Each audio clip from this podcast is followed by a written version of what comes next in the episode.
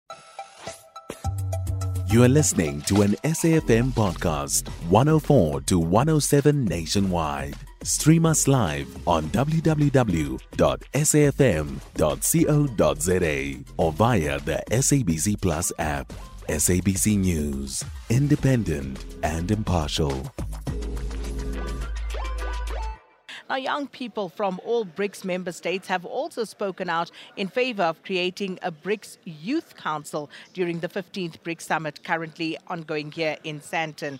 And uh, the uh, National Youth Development Agency chairperson, Asanda Luatka, says that all member states have reached a consensus to form a youth council. Luatka joins us now uh, for some more details. And we're also joined by political economist Tapelo Tsilapedi. Thanks so much to both of you for coming through and just uh, helping us digest everything that's happening here.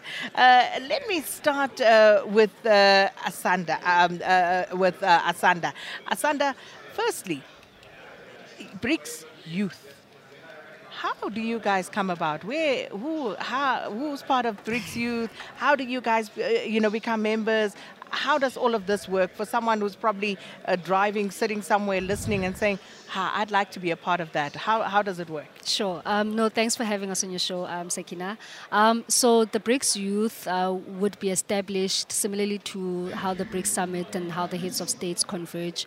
Um, so we would reach out to our counterparts. Um, so in South Africa, we've got the National Youth Development Agency, um, and in Russia, you would have had your Russian Federation for, of youth affairs agency, similarly in China and the likes. And amongst the five of us, we would then have begun a process of um, discussions around how do we then inform the policy direction of this current BRICS summit so that particularly it can favor and work to the advantage of young people. So by default then, the National Youth Development Agency becomes the youth representative of South Africa at uh, the BRICS Youth Council? Yes, that's correct. Uh, how do you feel about that? Well, we're actually we're excited. Um, we're excited, especially on the on the establishment or the endorsement by the heads of state uh, for us to establish the, the, the BRICS Youth Council. Um, it would have come. It would have been a culmination of discussions, uh, meetings between ourselves and our, our BRICS bloc uh, counterparts. Um, so ultimately, you know, to get us to this particular point, um, it's, it's, it's momentous, you know, to mm. say the least.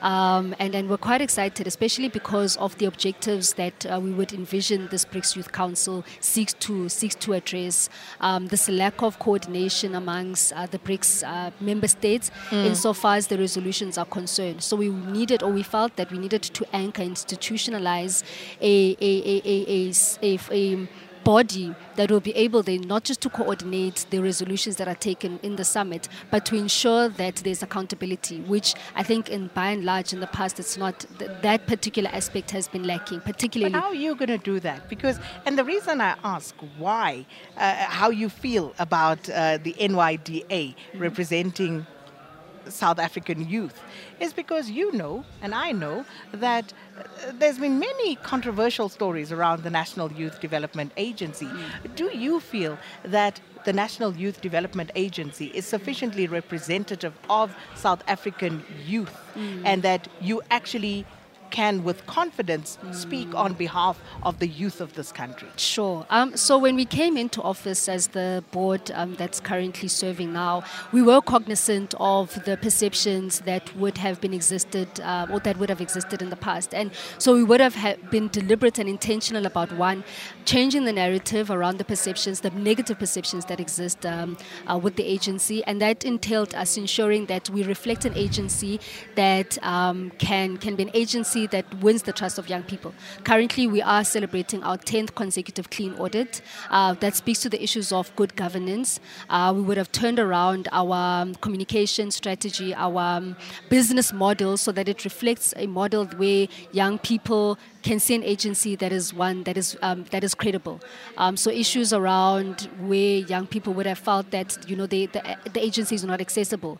Um, our customer service centers, we would have revamped them substantially um, we, we, we would have equally then just been able to ensure that nationwide we, we are we're an agency that you know tries to, to change that narrative. Mm. And, and, and I, I would love to have an offline discussion with you and perhaps more young people included in this discussion um, uh, about this. But as it stands, you know, you are the representative for young people. I was reading the uh, conference uh, magazine, the Summit magazine that was here, and it talks about driving change through youth participation. Mm. How? But but but how?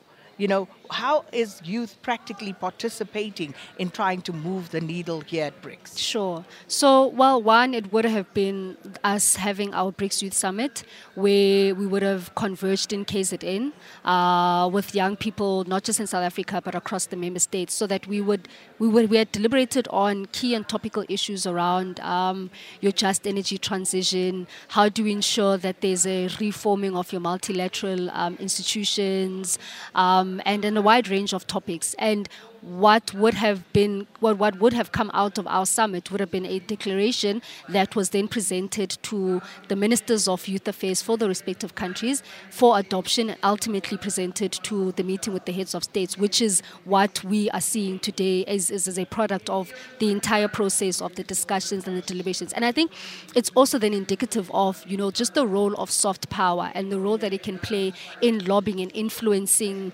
um, key and decision making for barriers. I mean, for instance, a session of this nature um, in the past, they would have it would have never even conceptualized the idea of a BRICS Youth Council, but it was through our soft power and our lobbying and our advocacy work that we're able to arrive at this particular point. So, for um, young people in South Africa who are by and large unemployed, languishing at home what do they take away from this 15th BRICS Youth Summit? What have you achieved for them? Sure. I would say by and large it would be um, increasing access to opportunities. Um, By that, I would mean, for instance, the declaration itself would have spoken about the need to expand your BRICS TVET e um, association platforms uh, that comprises of your institutions of higher learning amongst the BRICS member states so that we collectively we can re-engineer and reform how institutions of higher learning operate in our BRICS member states. That's one.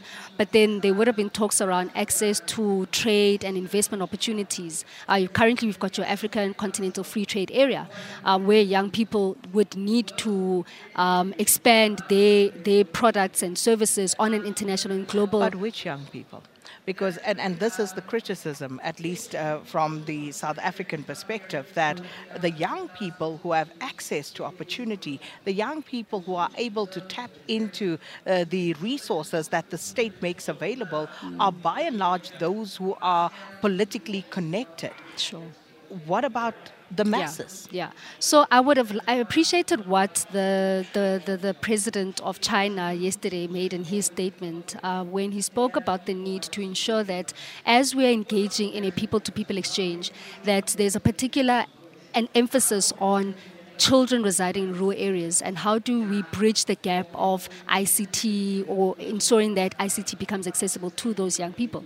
And it goes directly to the vision of the agency itself when we were deliberate and intentional about saying when we say we don't want to leave any young person behind, we need to be an agency that is reflective of an agency that can reach out to a young person in your rural area, young person in peri-urban, young person who's living with a disability, who's from your LGBTQI plus communities and the likes, right? Irrespective of their political affiliation, but ensuring that an agency is that that is not just reflective of um, all demographics of, of, of all, all homogeneous groups of youth, but also we're able to ensure our products and services are accessible to those particular young people. So, thank you so much for stopping by. At least uh, now we've located you within this forum, and we certainly will be following up. And, and I really want to have uh, another, a further discussion with young people because I think this for me is really a passion because we cannot have the number of young, able, you know, willing youth sitting idly. Mm. It is a disaster waiting to happen. Mm. So your task is huge, mm. Uh, Sanda. Uh, but thank you so much for stopping by. Chairperson of the uh, National Youth Development Agency uh, um, uh, in South Africa, Asanda uh, Luaka, speaking to us there about what they've done. And we'll follow up on another conversation with her at another stage.